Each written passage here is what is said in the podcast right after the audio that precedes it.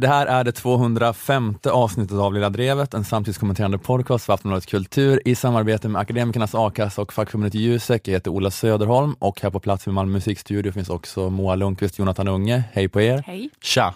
Den här, veckan, eh, den här veckan ska vi blicka tillbaka på Melvin Samsons karriär som sjukhuschef på Karolinska Japp. Mm. och eh, prata om Nobelpriset. Stämmer. Nobelveckan inleds idag. Mm. Eh, Det är måndag nu när vi spelar in, så det är fruktansvärt inaktuella samtidskommentarer som Ja. vi lyssnar på. Melvin kommer få tillbaka jobbet på torsdag, så är allt i onödan. Vi kan, eh, vi kan flagga för eh, livepoddarna eh, först där också. Just det. Mm. Vi ska vara, det är vi tre som ska livepodda igen. Eh, Men nu ska vi köra i Uppsala och Stockholm. Mm. Så att det är eh, 30 oktober, Stockholms nation i Uppsala. Det finns biljetter via Biletto. Jag har varit medlem i Stockholms nation. Är det, det? sant att man måste vara student för att gå? Ja, det måste man vara. Mm. Okej. Man kan ju vara student eh, på, en, på ett annat ställe. Kan man vara få- distans på distans, att man läser en kurs på distans. Ja, du kan snabbt gå in Du kan- Ja, just Och det. committa till en kurs Mm. i statistik. Just det. Så det kan man ju kanske göra också. Ja, Men, man- men man kan vara liksom, om man är student i Stockholm, varför man nu skulle åka dit och se på den livepodden. Men om man är det, Det var precis de som skulle kunna tänka sig göra det. eh, ja just det. Nej, jag vet inte vad, det är, ja. man, man kan få sådana här gästkort i alla fall om man är student på något annat ställe än Uppsala. Eh, Bra. ja, skitsamma. Det, var, det finns, eh, jag kollade nu här precis innan inspelningen, jag tror att det var typ 60 biljetter kvar i Uppsala. Så Mm. det är möjligt också att det är Är inaktuellt på torsdag, det kan vara slut då. Är det 100 platser totalt? På, I Uppsala? 60 kvar. Nej, det är 350, Okej. så vi har sålt 290 då. Och i Moa går ju inte upp på scen om det inte är Nej. slutsålt. Nej, precis. Så att, eh, det gäller att det säljer slut. ja, ja, men jag tror att du kommer kunna vara med i Uppsala då i alla Det fall. kan Vad skönt. annars bara bli du och jag. Och sen, men sen i Stockholm är vi då på Kina-teatern. Ja. Eh, det, men det är ju kul att det är många som ska kom, kommer dit också. Vi har sålt typ tusen biljetter Oj, i det här laget. men, eh, men har det sålt Alltså, slut? hur har det sett ut? nej, det har det inte. Det är ju 1249, Okej. Så något det, sånt. Så om ni vill se Ola, nej om ni vill se Moa, då köper ni de här sista. köp 200 biljetter. Ja, men är det det som är det viktiga, att allt är sålt eller att det sitter människor på alla platser? Vad är det som är viktigast? Att det är sålt. Det kan vara en som har köpt alla platser, men jag är nöjd. Då går jag, då går jag på. Placera ut människolika dockor. Som för, när vi så här kisar genom scenljuset så ser vi inte att... Moa is all about the money. Hon är som Meja på det sättet. Ja, men det är Kinateatern eh, som vi är på då. Och det, är, ja, men det, det finns eh, en del platser kvar där på Kinateaterns underbara balkong. Mm. Det låter ju som att det är väldigt mycket, att det, det, eller det går in mycket folk där på Kinateatern. Men det är, det är väldigt eh, intimt skulle jag säga. Är det Mm, brandsäkert? Man ser, man ser ansiktena på alla. Nej, det, precis, det, Inte brandsäkert. Fan vad synd. Ta med filt och skumsläckare. Testamente. Nej, men det är en sån gammal showbusiness-sanning att ju sämre brandsäkerhet, desto bättre livepoddlokal. Just det. Men eh, i alla fall, det finns eh, några platser där, kvar där, så skynda fynda som jag brukar säga. Mm.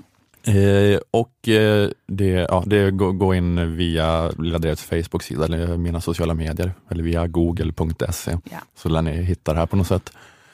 Eh, Okej, nu så, eh, vi, vi kör igång Mm. Och nu ska det handla om Nu ska det handla om eh, det brev där opolitiska tjänstemän vid regeringskansliet uttrycker oro inför den kommande regeringsbildningen. Eh, de opolitiska tjänstemännen. Lite politiska tjänstemän. Ja, det finns det. Ja, Mm. Men de här de o- opolitiska de opolitiska tjänstemän, de har utsatts lite för den citationstecken härskartekniken. Mm. Efter att de skickade det här brevet. Ja. Ja just det, det är också en, Ja. eh, ytterligare en, det en finns burn man kan göra mot dem. Det finns tre grupper. De politiska, de opolitiska och de opolitliga. Mm. De så kallade opolitiska tjänstemännen. Och det är då 261 tjänstemän från olika departement, mest UD, utrikesdepartementet tror jag att det var, Mhm. som eh, de uttrycker oro om hur den kommande regeringsbildningen eventuellt kommer kunna stå i konflikt med och eh, påverka eh, myndighetens värdegrund. Mm. Värdegrund, Mm. Ja. Har UD en värdegrund? ja, eller hela regeringskansliet har en värdegrund. Mm. vad gulligt. Mm. Vad står det den? Det står, eh, ja vi kommer till det, Ja. men, de, eh, men de skriver i sitt brev att regeringsformen, som är en av grundlagarna, Mm. eh, den slår fast alla människors lika värde och ger skydd mot diskriminering. Och de skriver också då att regeringskansliet har ett internt styrdokument, en medarbetarpolicy, Mm. Alla säljiga ord. Eh, Vänta, jag ska bara ta det styrdokumentet och torka mig i röven med det. Och enligt medarbetarpolicyn ska regeringskansliet vara en arbetsplats fri från diskriminering. Ja, det låter jättebra. Ja. Så det står både i grundlagen och i medarbetarpolicyn, Mm. att man inte ska hålla på med diskriminering. Och de skriver nu då, de skriver i det här brevet att diskussionerna om vilket regeringsunderlag vi kommer få eh, har väckt frågor hos oss. Mm. De skriver bland annat citat, om lojalitetsplikten gentemot regeringen och arbetsgivaren skulle stå i konflikt med regeringsformens bestämmelse om människors lika värde, skydd mot diskriminering eller regeringskansliets medarbetarpolicy jämte plan för lika rättigheter och möjligheter, vad har företräde? Mm. Slutcitat. Ah, oj, vilken lång Ja, mening. eh, ja, precis. Det är sån är det kanslisvenska, det heter det va? Mm. Så då är det rimligt att de skriver på det. Ja, att det, är att det är ja. sådana meningar som man eh, måste liksom tänka på en kvart för att få huvudet runt. Men ni som lyssnar får trycka bak 15 sekunder tills ni förstod hur den här meningen hängde ihop. Och enligt uppgiftslämnare till Dagens Nyheter handlar det då om oro över vilket inflytande Sverigedemokraterna skulle kunna få i en regering. Mm.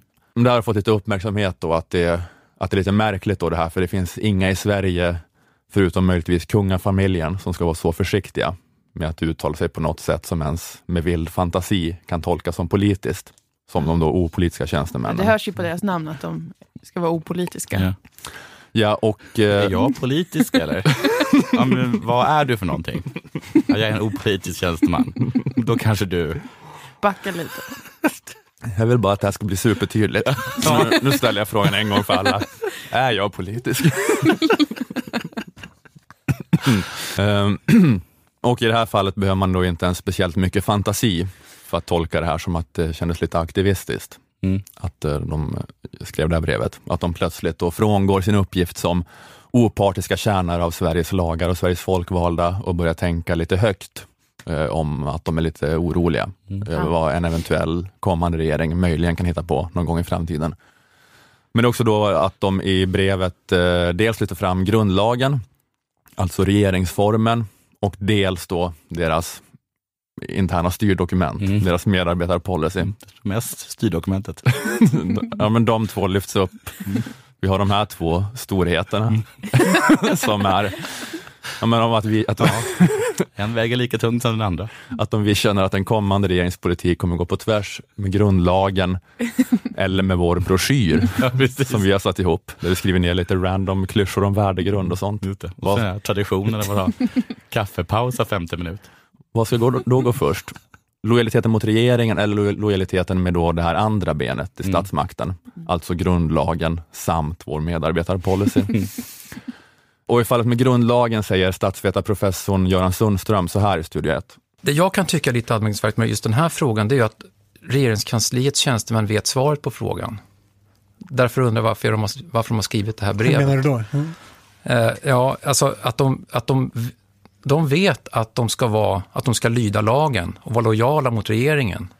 Alltså att eh, gör regeringen någonting som strider mot grundlag, då vet de att de ska säga ifrån. De ställer den här frågan igen, som är väldigt grundkurs. Då.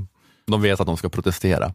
Ja, men det är lite som när man är på föräldramöte och de frågar eh, vad får man ta med, vad får man ge barnen på fruktstunden? och alla vet ju att det är ju det, det är ju frukt då. Ja, just det. Just det, det är exakt samma. Eh, det, ja, det, det är så. Men de vet att de ska protestera. De vet att de, vet att de ska protestera och inte, medve, och inte medverka till något som eh, går på tvärs med grundlagar. Ja, det låter väl smart. Mm. Regeringen verkar under lagen och all offentlig makt utövas under lagen. Mm. En regering som då vill införa apartheidlagar till exempel, Mm. Kan, måste först ändra på grundlagen, eh, regeringsformen, genom att, vad är det, två riksdagsmajoriteter med val emellan. Just det. Mm. Det två tredjedels till och med, eller? Jag vet inte. Jag kan inte Lång det tid. Lång tid bara. Lång tid och eh, massa, fler än en majoritet i alla fall. Vad säger styrdokumentet? Eh, Det är mycket mer ambivalent. ja, precis. Det är mera liksom som att tolka gamla testamentet. det är lite mera... De måste, känna in, de måste skicka in en så här opolitisk tjänsteman och de, måste, de får skjuta upp all, heter det, Alaska eller typ eh, LSD näsan på honom. Ja. Sen får han tolka styrdokumentet. Ja, precis. Nu har regeringen sagt att de vill göra det här och här i styrdokumentet står det att vårt arbete ska präglas utav precis. kompetens och lyhörhet. Okej. Och exakt hur går det ihop Okej, med? Precis. Stefan och Kerstin ska bara dansa sig till trans. Sen återkommer de med ett utlåtande. Det var grundlagen då, men vad det gäller det andra då om lojaliteten med medarbetarpolicyn kontra lojalitet med regeringen. Mm. Då säger ämbetsmanna-queenen Inga-Britt Ahlenius så här. Hon är ju alltid go-to-personen Mm. som kallas in i sådana här lägen för att roasta personer som inte fattar Ja. hur det funkar med liberal demokrati och sånt. Kommer in och säger att det är fullständigt häpnadsväckande. De är förvirrade för att de ställer sitt interna styrdokument mot regeringen som deras arbetsgivare. Och de, de undrar, är det så att eh, lojaliteten mot det interna styrdokumentet är mera värd eller ska ha en högre nivå än, än lojaliteten mot regering? Det är fullständigt häpnadsväckande att man får 260 tjänstemän i regeringskansliet. Att överhuvudtaget vara så förvirrade att de ställer frågorna. Hur påverkar det här uh, dekretet om Secret Santa? Ska vi vara lojala mot Secret det ska vi Santa? lojala mot Secret Santa? Vad är viktigast i tider av kris? Mm. Nej, men det, man har fått 260 tjänstemän att vara jätteförvirrade. Ja. Eh, Så, Nu när hon sa det lät det ju jättetydligt vad som är rätt. Ja. Ja, just det. Men. Exakt. Ja, nej, det, om ni inte förstod vad jag menade här så, var det bra, så vill jag spela upp Inga-Britt Ahlenius för er här. jag Från, förstod då. från Kvartalpodden, Veckopanelen. Hon sa att det här var ju, det här var ju inget vidare. Nej, men eh, de var jätteförvirrade då. Är det det interna styrdokumentet eller den eh, eh, folkvalda regeringen som man först ska ha lojalitet med? Eh, jag hittade regeringskansliets eh, interna styrdokument, Mm. medarbetarpolicy. Och eh, ja, det var ingen bedrift. Så. Nej, jag trodde var, du hade grävt. Nej, ja, det var bara via google.com. Du, fick, eh, du träffade en deep throat i parkeringshuset Anna som gav det till dig. Ja, men det står att, ehm, men, men det är liksom, ja, men eh, regeringskansliets medarbetare policy och det är liksom sex sidor där det står typ så här bara, regeringskansliet ska kännetecknas av en effektiv arbetsorganisation, en god och stimulerande arbetsmiljö och ett engagerat och professionellt ledarskap. Mm. Ja. Och det bara fortsätter så. Ja. så Bara bra grejer ska finnas. Superbra mm, grejer. exakt. Vilket bra. Här ska det vara Men vad gör, vad gör man då med, om det kommer in en regering, bara, vi tycker inte att Stefan Löfvens ledarskap känns så professionellt. Nej, och sådär, han är inte så slipad retoriskt. Ska vi göra vad han vill ändå då, eller ska vi, ska vi mer gå på Vår policydokumentet? ledare verkar lite punschig. Vad att göra? Precis. Klättra upp på ett berg och ta ayahuasca i den. Nej men det står liksom bara, um, ja, jag vet inte. Det, ja men det är just det, bara, du, det står bara sådana saker. Du, hur du ska vara som medarbetare. Du, du har en förmåga att hantera många uppgifter och roller Mm. och att snabbt acceptera förändrade förutsättningar. Mm. Stämmer på Stefan, inte på Kerstin. Eh, ditt arbete präglas av engagemang, kvalitet Wow. och resultatinriktning. Usch, gud vilka krav. Du har ansvar, ja, precis. Det är verkligen full rulle förmodligen Ja. på regeringskansliet Ja, ja. om man ska hinna med allt det här. Engagemang, kvalitet och resultatinriktning. Ja. Jag hade varit nöjd med bara en av dem. Ja, Ja. verkligen. Samma här. Du ansvarar för att söka den, Ljus i kvalitet, men vilket engagemang. Årets medarbetare. du ansvarar för att söka den kunskap och det stöd som du behöver för att lösa uppgiften. Usch. I ansvaret ingår att företräda såväl den egna enheten som hela regeringskansliet. Och, eh, och det bara fortsätter. God prestationsförmåga, initiativkraft och saklighet kännetecknar ditt arbete. Det är det crème de la crème som jobbar på Ja, det måste det vara. Ja, ja det är nog, ja, jag vet inte. Det är nog verkligen människor som top notch. kan eh, knyta sina egna skor och äta med kniv och gaffel. Du medverkar genom ditt förhållningssätt till en öppen dialog och en vilja till samarbete. Ditt- Kerstin, jag tycker inte du medverkar till ett sätt som... Sånt kan man höra. Så Mao-kritik på, på lunchrasten. Vi, ja, de har sådana, sätts i en ring och är Ja. självkritiska varje, i slutet av varje arbetsvecka. Mm, entusiasm, absolut, men kvalitet. Mm. Det är som att du inte ens har läst policydokumentet Kerstin. Bara, Kerstin, jo, men jag, sitter, jag sitter och vaggar som en så här koranstudent liksom, och bara repeterar policydokumentet. varv på varv. Ja, det är inget som märks Kerstin. Alla går in på så här gemkedjor där varje gem är en punkt i styrdokumentet. Som de smeker fem gånger om dagen. Ditt arbete utgår från respekt för kollegor och förståelse för att det finns olika roller i verksamheten. Hör du Kerstin? Ja, men det är eh, Ja men det är sånt här totalt blaj då bara, som Mm. alla kan vara för, för att ja, men det betyder bara bra saker som du sa Moa. Ja. Att här på regeringskansliet är vi för bra. Mm. Vi tycker att arbetet ska präglas av kompetens och kvalitet.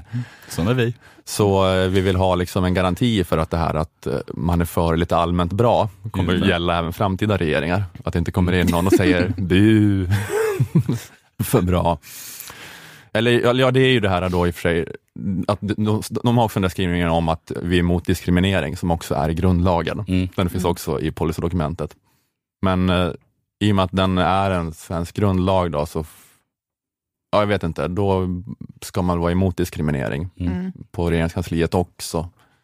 Men annars resten av, ja men sen är, ja, men sen är det att, det, den här, att det, det, det bara är sådär, ja vi för bra saker. Mm. Det, vi har, men det är så här, vi har också ett ledord på regeringskansliet, det är carpe diem. Nej, det, det, förlåt, titta på. Nej, nu hittar jag på. Men det är att det, är mycket möjligt att säga det Jag är också. lite orolig för att Sverigedemokraterna kommer vara emot det här.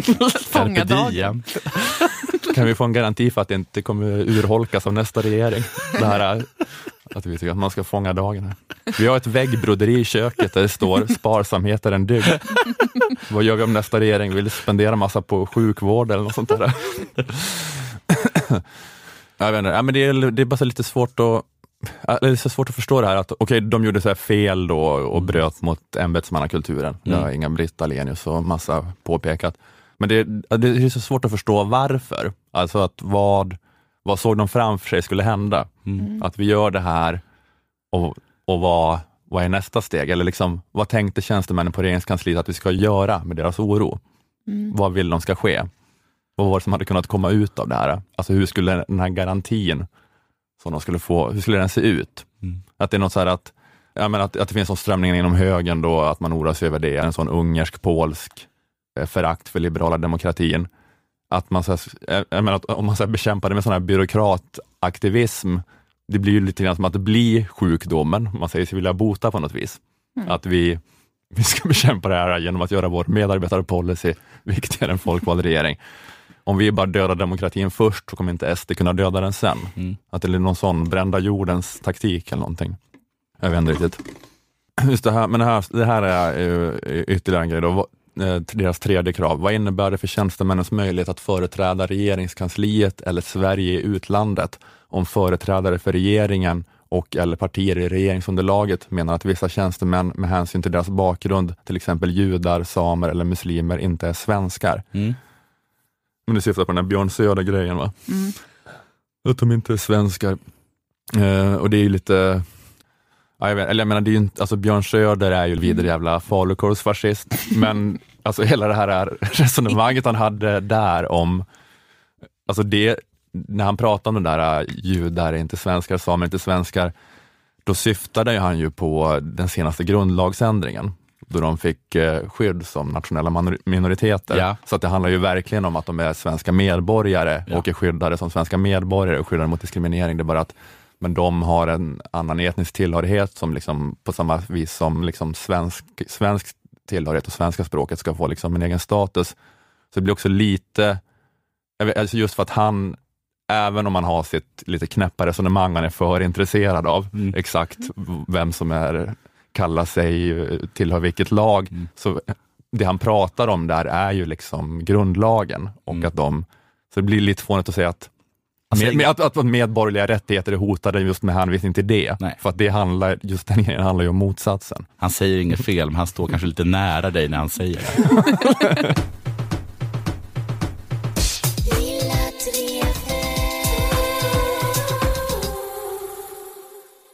Nobelveckan startar idag Ja. Mm. och som den startar.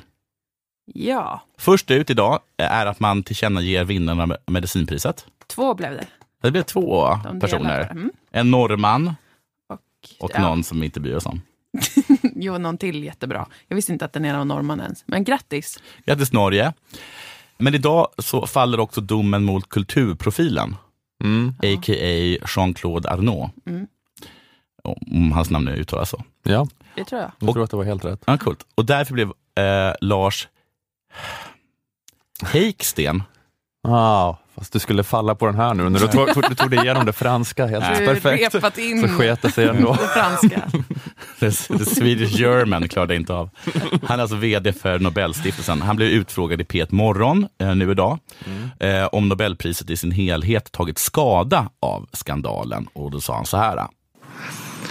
Ja, det är klart att i viss mån kommer det att göra det, men vi ska ju samtidigt komma ihåg att det är fem priser av sex som man lägger till ekonomipriset som, som delas ut. Nu hörde ni tjuvnypet där mot ekonomipriset? Ja, Mm, exakt. jag förstod det bara inte riktigt. Nej, det är ju inte riktigt pris. Aha, Det har ju lagts till det. av typ Wallenberg eller någonting. Mm. Han påpekar det också. Ja. Att det enda positiva med ekonomipriset är att ekonomi och finans är de enda sfärerna som inte drabbats av metoo. Då ekonomi och finans är totalt jämlika. Mm. Eventuellt absolut inte det. Det var Tystnadskultur. Men någon av de två. Mm. Eh, Det är jobbigt att man inte vet. nej. Nej. Men jag liksom att det är lite taskigt liksom att, liksom att fem av sex priser ska, ska skadas då av att ett pris har fuckat upp totalt. Lars kommer dock med goda nyheter i sorgen. Ja, jag tror att, att bilden av Nobelpriset har påverkats. Samtidigt så tror jag att om man hanterar det här på ett bra sätt och inte låter det dra ut allt för lång tid och det har redan dragit, dragit ut längre än vad det borde ha fått göra. Eh, då tror jag att, att det med tiden eh, sjunker tillbaka. Det var många som trodde förra året att Nobelveckan då i december skulle domineras av eh, Macchiarini-skandalen men så blev det inte alls. Nej, Macchiarini-skandalen påminner han mig om, för det hade jag glömt. Mm. Eh, Vilket jävla fiasko det var. att nämna Jag hade det. totalt glömt den. Ja. Så jävla klantigt.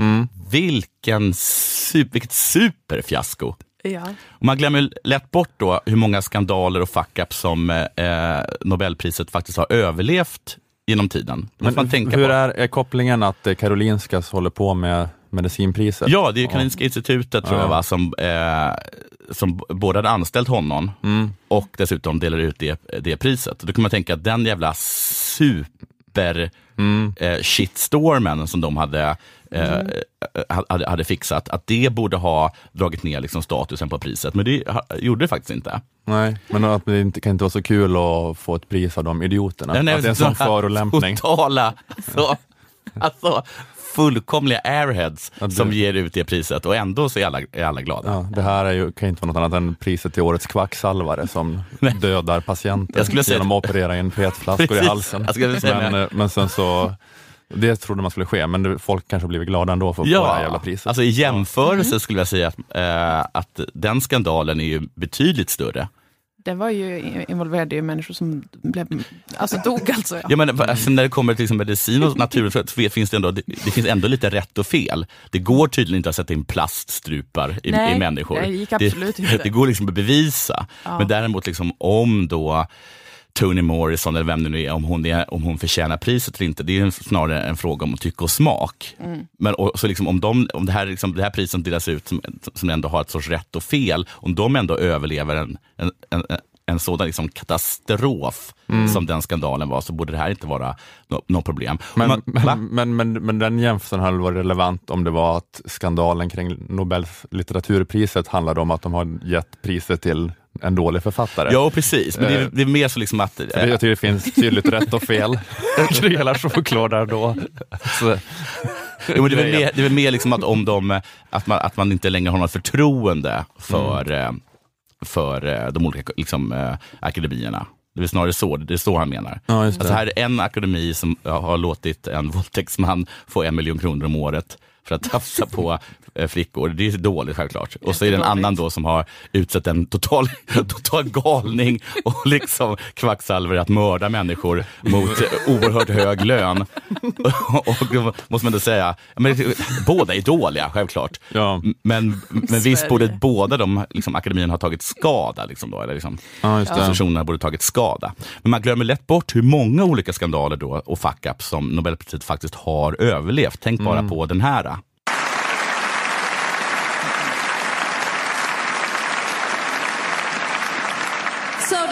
Us off, please welcome the winner of last year's Eurovision Song Contest and a very, very talented young man. Born Belarusian and raised Norwegian, he shows that music, like peace, knows no boundaries.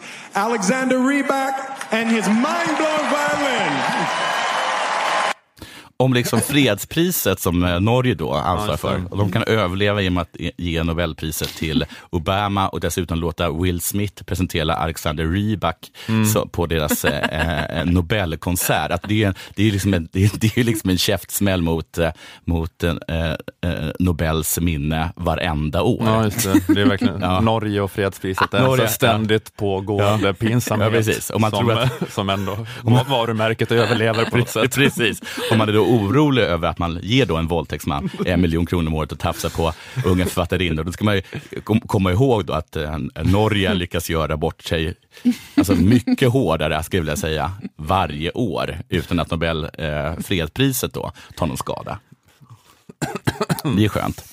Men hur klarade, så, klarade sig då eh, Nobelpriset eh, sig igenom den här eh, Macchiarini, heter det? eh, skandalen? Eh, man på Karolinska, de som var inblandade, hade hanterat det snabbt och eh, det var också så att alla kopplingar till Nobelpriset eh, skars av genom att de som på något sätt var kopplade till Macchiarini lämnade sina uppdrag i Nobelprisarbetet. Så att de visade att det går att hantera på ett bra sätt. Mm. Man har också glömt hur jävla bra Karolinska institutet skötte den här skandalen. Ingen har skött en skandal bättre än Karolinska institutet. Jag gör en high five med er. För att så jävla bra eh, fixade de det. Fan vad bra Som de är. ninjor i natten. Bara skar Man av alla knappt av det. rep. De bara skar av alla. Jävla bra.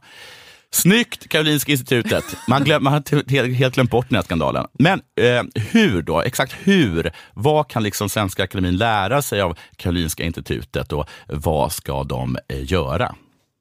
Man kommer att behöva eh, hitta ett sätt att välja in nya ledamöter som står helt fria från det här, som är starka med integritet och kompetens självklart. Eh, ja, och sen behöver man nog ha en Nobelkommitté som står fri ifrån eh, det som har, har hänt här under det här sista året. Allt man behöver göra är att hitta eh, starka eh, nya med, eh, med eh, jag, heter det? Leda- Ledamöter. Tack så mycket. Med integritet, integritet och kompetens som då står eh, fria. Lycka till med det. Lycka till att hitta det.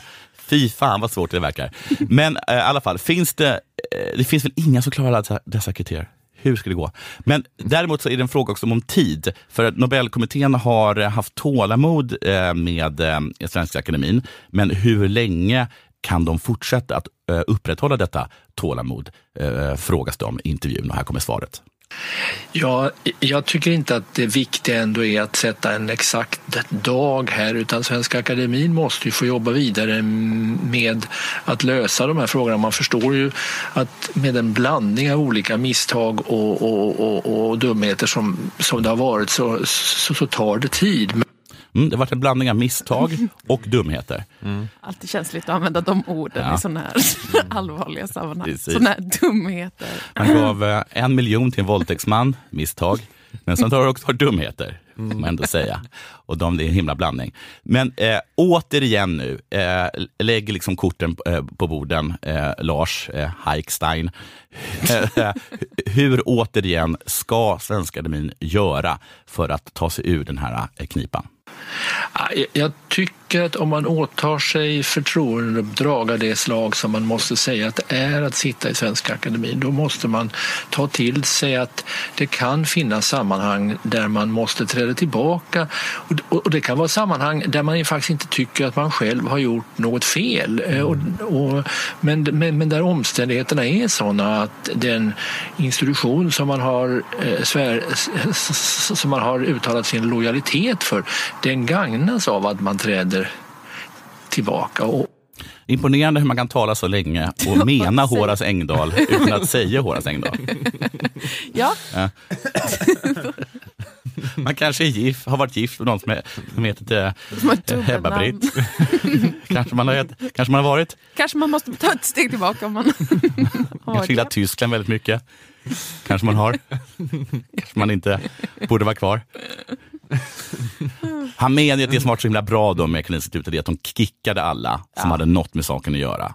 Och så har det inte varit med Svenska Akademin. Där alla som har något med saken att göra Men var- sitter Jag kvar. fortsatt gagga, dag ut och dag in. Men Ja. var det som att här, styrelseledamöter eller vad det heter i Karolinska institutet avgick då eller liksom sparkades ut av de andra?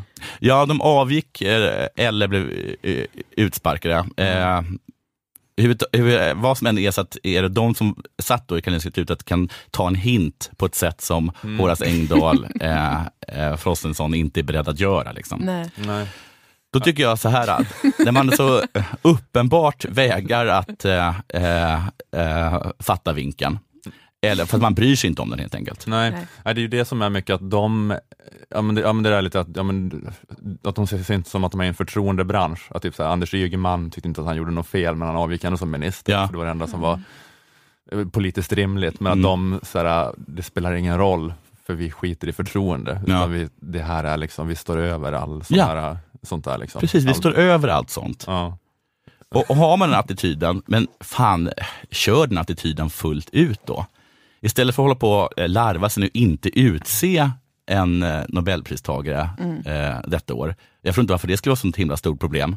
Mm. Det vill bara dra, dra något ur röven. Ja. Da. Ja. Jag hade kunnat skicka Ja, men jag, jag tycker att de ska ge det till Frostenson nu. Ja, ja precis. Ett riktigt långfinger. Det var ett riktigt långfinger. Och jag håller Vi verkligen skiter i allt. Jag håller, jag håller med, men jag kommer, jag kommer, sy, jag kommer syna dig Ola och jag kommer höja. Jag önskar att klockan slår 13. Ut kommer Horas naken med stånd. Jävla präkt stånd. Sten. Stenhård är han. Ut kommer alla andra akademimedlemmar, också nakna. Tydligt upphetsade. Och tillkännager årets vinnare Jean-Claude Arnault. Fuck you! Fuck you! Fuck you Nobel, Nobelpriskommittén. Vi bryr oss inte. Här kommer han, Jean-Claude Arnault. Är det några frågor? Och efter det så bara stängs dörrarna. Och så får man se vad som händer. Och så ska det vara hela tiden. Även liksom när de delar ut priset på, vad fan är det, är det Konserthuset? Uh, ja, eller Blå hallen, eller vadå? När Ja. de har middagen? Det är eller först- vad är det? priset, det- det är okej, Konserthuset, ja. va? Mm, ja, jag, jag, Ja, mm. De borde vara i fängelset när Jean-Claude sitter Turen kommer till eh, litteraturpriset. Kungen kallar upp Jean-Claude Arnault. Han är naken. Han är tydligt upphetsad. Dörrarna stängs. Sen samma sak under middagen. Jean-Claude Arnault går upp, håller sitt tal. Det är uppenbart att mannen är sexuellt upphetsad. Dörrarna stängs. Den värsta skräckfilmen jag Och det, här, och, det, talas här, om. det här sker varje år. varje år. De visar sig bara en gång om året och de delar ut Nobelpriset till Jean-Claude Arnault. Sen på efterfesten på Tekniska högskolan, där de flesta som kommer dit har blivit utsatta för Jean-Claude Arnault, i alla fall två eller tre gånger under den senaste veckan.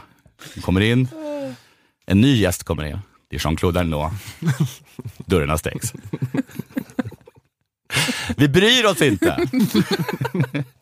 Fattar det. Nej, men jag tycker verkligen det. Ja. Man får ha honom i en bur. Precis, det är I en Horace stor, stor och. Frostenson. Kör så det ryker. Kör så det ryker. Att det ska funka, att de ska bli liksom hela svenska liksom, offentlighetens wrestling heels på något sätt. Som alla. Jag ska visa dig vårt styrdokument. Det är att vi skänker en miljon kronor till Jean-Claude Arnault och sen så knullar han er. Nej, men det är lite så här, äh, ja, det är något, om man ska jobba med den där bad boy, att man är lite bad kvaliteten, att, att det är något, att dömd våldtäktsman blir lite för mycket kanske. Ja, det är därför de får ha honom i en bur som sagt. Men det får man- det väl lite coolt, att han hissas ner från taket i en bur. och, så, liksom- Tydligt upphetsad. och så får de andra stå runt buren. Och så, och så får Frostenson det. Man vet inte egentligen som får priset. En sån decoy. Frostenson kommer få det varje år tills Jean-Claude är fri. Fuck you. Att det är sån David Isak dödräkning. kommer Har vi delat ut Nobelpriset till Frostenson? I hörnet på någon sida på DN kommer det vara så här Jean-Claude Arnault-stånd till Sanny Ferry. Fuck you. Mm. Vi bryr oss inte. Men det var, du, du landade i det, för det var ju så att man kunde få tillbaka förtroendet men att Just det, Jo men då måste, de, kapade då måste alla avgå Ja, det. och det kommer de inte det göra. kommer inte göra, Nej. nej. just det. Så då, Så då får man göra det andra istället. Ja, Ja, ja. just Det det. blir så ett jävla bad boy-pris kommer det bli. De ska, ja, ja exakt, de beter sig, de kommer inte de kommer inte bli omtyckta igen. Det är liksom kört. Nej, det kan då- lika gärna gå åt andra hållet. Så då, ja, just Tired of ads barging into your favorite news podcasts? Good news. Ad-free listening is available on Amazon Music for all the music plus top podcasts included with your Prime membership. Stay up to date on everything newsworthy by downloading the Amazon Music app for free or go to amazon.com slash news ad free. That's amazon.com slash news ad free to catch up on the latest episodes without the ads. Fast stänger dörrarna. Mm. Där står han. Mardröm att bli faststörd. Internationell media, mest svensk. Han har väl aldrig skrivit någonting? eller? Nej, han behöver inte göra det. Han kanske får Nobelpriset för förundersökningen.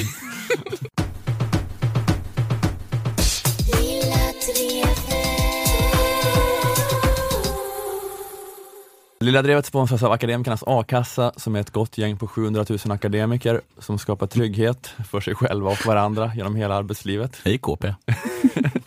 Du bara klipper och klistrat ut någon, någon text från KP. Akademikernas är för dig som har eller är på väg att ta 180 högskolepoäng eller har 120 poäng med det gamla systemet. Tre års studier alltså. Medlemskap kostar 110 kronor i månaden och du får upp till 20 000 i månaden om du skulle bli av med din anställning. Eller om du är egenföretagare och blir av med din största arbetsgivare och behöver lägga din firma vilande. Med a-kassan i ryggen kan du vara flexibel på arbetsmarknaden, våga byta jobb, flytta eller starta företag. Läs mer på akademikernas.se. Jusek är fackförbundet för dig som är eller är på väg att bli jurist, ekonom, systemvetare, personalvetare, kommunikatör eller samhällsvetare. De stöttar dig på alla tänkbara sätt i karriären, men det mest ögonfallande kanske är att du får del av Juseks inkomstförsäkring som ger dig 80% av lönen upp till 80 000 kronor.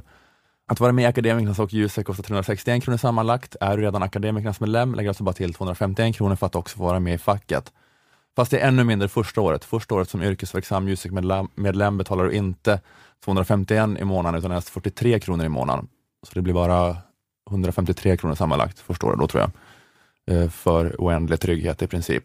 Eh, läs mer och bli medlem på jusek.se.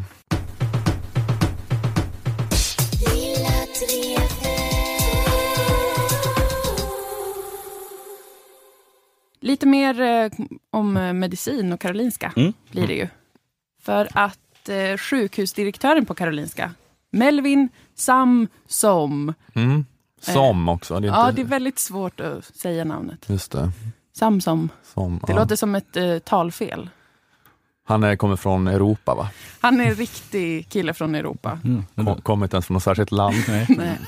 Han är bara Något född diffust, i Europa. först den dumme i Benelux. Exakt så är det. typisk Europe-stämning att heta Melvin.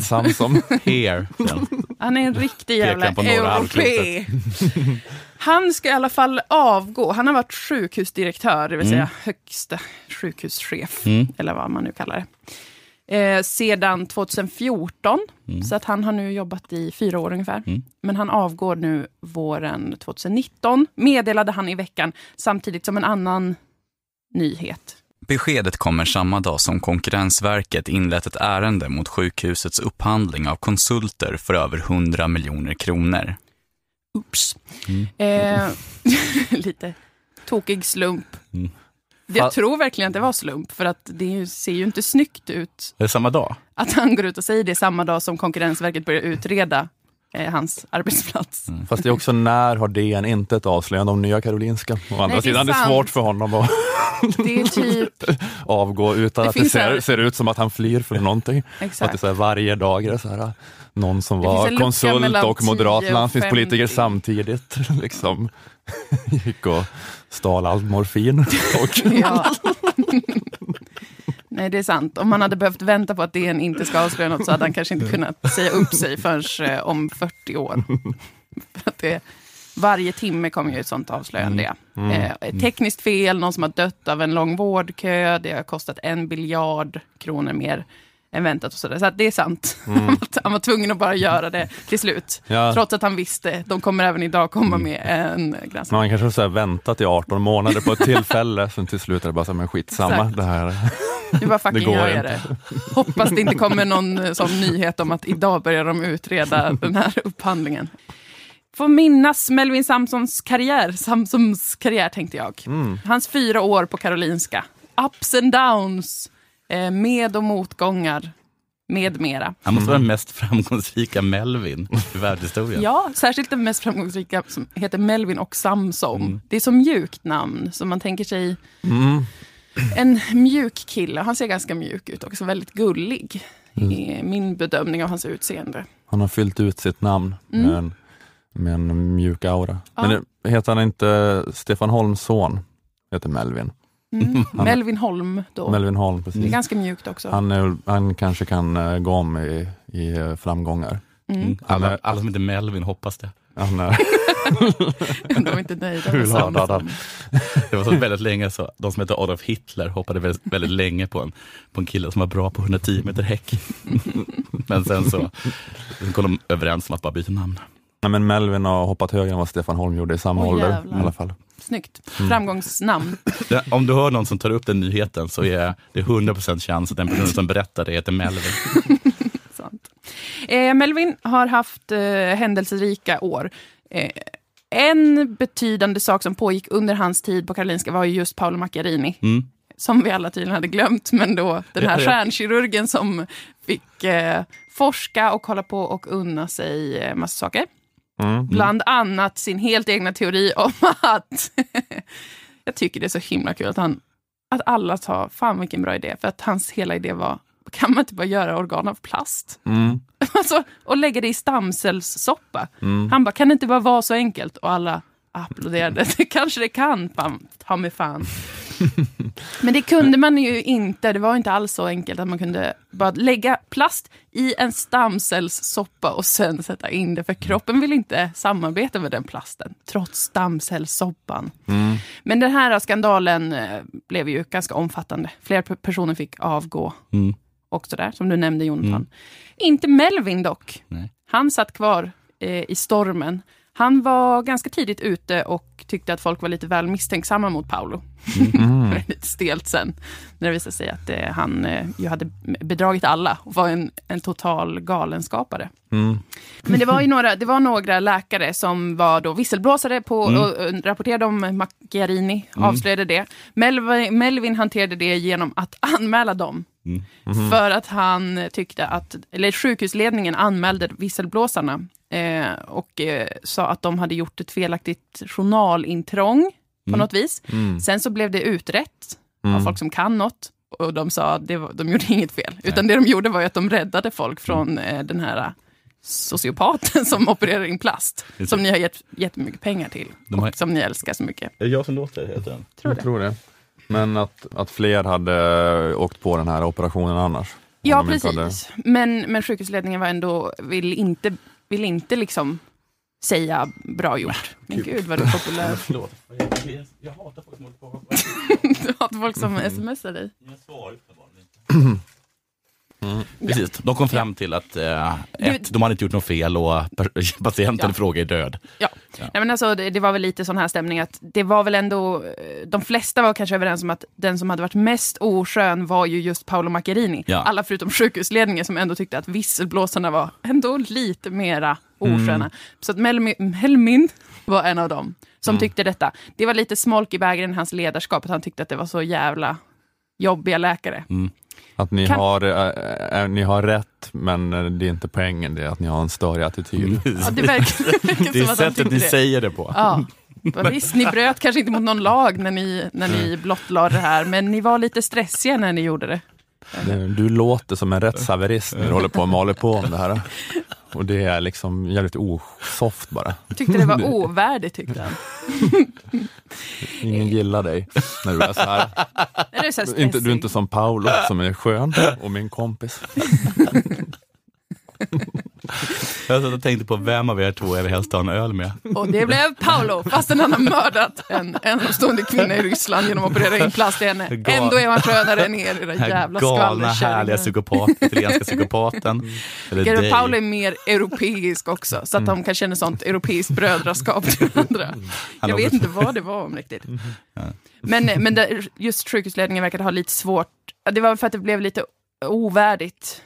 Att de var tvungna att upprätthå- fortsätta upprätthålla liksom, att Macchiarini var någon att ändå lita på. Jag vet inte faktiskt Nej. varför de höll fast vid det här och fortfarande verkar göra det. Att de tycker att visselblåsarna var eh, de dåligaste. Mm.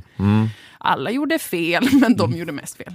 Att de fortfarande håller fast vid det. De har liksom inte bett om ursäkt för att de anmälde dem, fastän det har Mm. eh, kommit fram att det var, det var inte juridiskt fel att visselblåsa det de Mm. gjorde. Mm. Ja, ja. Det var en liten downer i Melvins karriär, fast inte enligt honom själv då tror jag. För att han fortfarande kanske tänker att han var den mest värdig, värdiga i situationen. Men många andra tyckte att det var inte så snyggt. Mm. Många andra som inte gillar det här med Paolo Macchiarini. Men hur som helst, det, den anledningen till att Melvin nu avgår 2019, det är inte på grund av den grejen, det är inte heller på grund av det här med att konkurrens, Konkurrensverket just nu börjar en utredning av upphandlingen. Utan det är, enligt honom själv så finns det en naturlig anledning. Men enligt Melvin Samson är det inte anledningen till att han går. Uh, the big change is, is over. That I leave this over to the, the next director of the Karolinska University Hospital to continue uh, with the organization. Det är en helt naturlig sak som har hänt. Och det är att den stora förändringen är nu över. Kosmos har viskat i hans öra. Det är dags att dra vidare över vidderna, Melvin Samsom. Mm. Förändringen är över, alla är döda. och Allt ligger i ruiner. man har, Hipp iväg. han har verkligen en brytning som gör det svårt. Han gör honom svårplacerad tycker jag. Ja, nu är det bara europeisk Ja, accent. Ja. Det är inget land.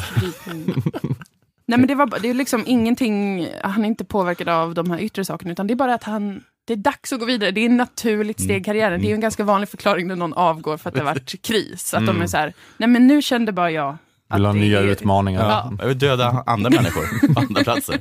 Finns det något annat som jag kan liksom bidra till att det sjunker helt? Ingen här lever ju. Ska vara kvar för. Job here's done. Mm. När Melvin började, Mm. tänker jag tillbaka på, 2014, då gjorde han en presentationsvideo av sig själv på Mm. Karolinska. Eh, där han gick rak i ryggen i korridorerna, fylld med liksom, tillförsikt och hopp inför framtiden på Karolinska. Eh, han pinpointade några av sakerna som de skulle fixa under den här stora förändringen och de största problemen, varav detta var det han var ändå väldigt mån om att kunna fixa. We are struggling with recurring financial problems, as do the rest of the healthcare society. Every third year, we seem to run into unsustainable financial levels. We must solve this for once and for all. En viktig Mm. kamp i hans karriär var Mm. att fixa finanserna. För att sjukvården, eh, det kostar för mycket. Saker Mm. kostar för mycket, det blir svårt. Och som chef så ville han ordna det. Han står och tittar ut genom ett fönster och säger han, nu tänker jag fixa det. Mm. Once and for all. Klipp till det här. 2016 kunde P4 Stockholm avslöja att Samson beställt ledarskapskonsulter och personlig språkundervisning till sig själv för miljonbelopp. Mm. Vad var språkundervisningen i? Alltså vilket språk? Eh, Lär dig prata med så här, som en, någon i en amerikansk film som bara kommer från Europe. Odefinierat. Prata med den brytningen. Hur kan få mig att låta ännu mindre specifik till ett speciellt land? Han, alltså, han hade, jag, I en intervju som jag läste från 2014, då sa han att han pratade 25 procent svenska. Eller han förstod 25 procent svenska. Mm, mm. Men att hans mål var Talade en procent. Hans mål var att kunna ha alla möten på svenska. Mm. Eh, men, och inte på engelska, så då hade han med någon person. Han, han kunde det svenska ordet för stamceller men inte för plast. Han har ingen aning om vad som hände där. Så bara nickade han och log. Sa kör. Han bara, stamcellsforskning, det låter hur jävla bra som helst. Plast. Det betyder något helt annat på europeiska. Patient means patient. Död means, I'm not sure.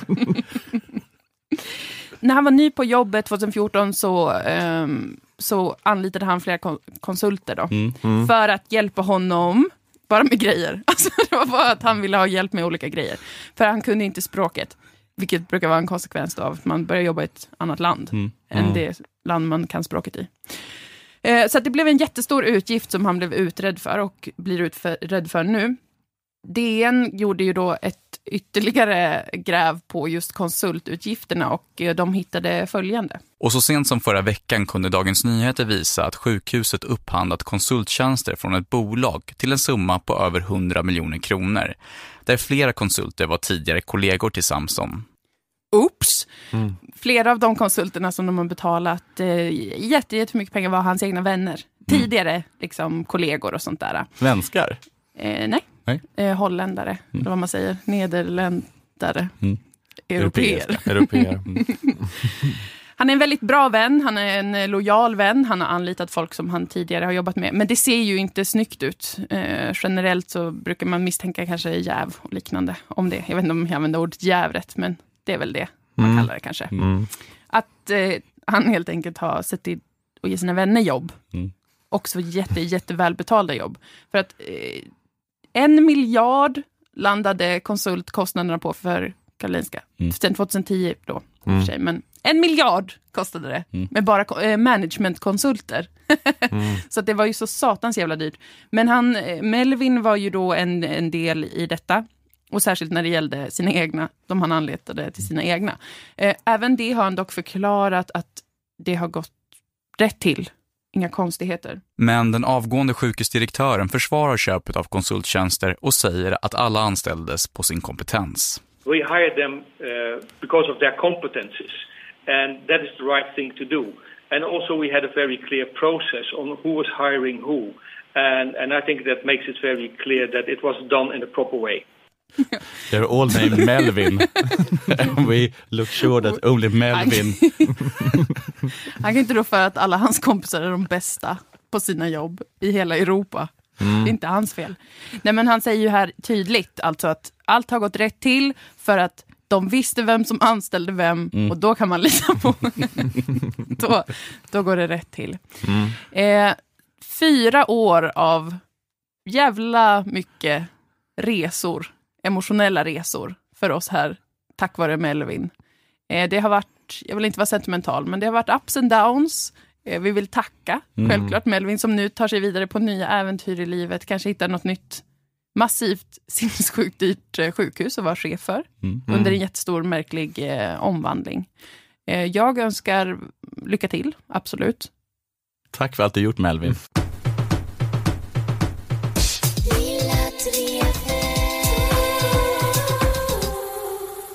Ja, det finns lite biljetter kvar till livepoddarna. Kinateatern i Stockholm och eh, Stockholms nation i Uppsala. Mm. Sämst Yes. ute på turné också.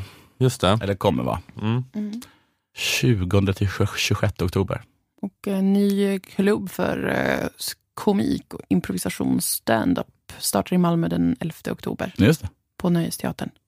Köp biljetter. Länsimpro Malmö kallas den. Inte bra namn. Ja, det är ett, det är ett bron-skämt. Jo, men det, det är delvis det namnet kommer ifrån. Men också att det är ett bra namn. Det låter som något som kommunen har styrt upp. Mm. Just det. Så att det, är- det är allt. trustworthy. Exakt.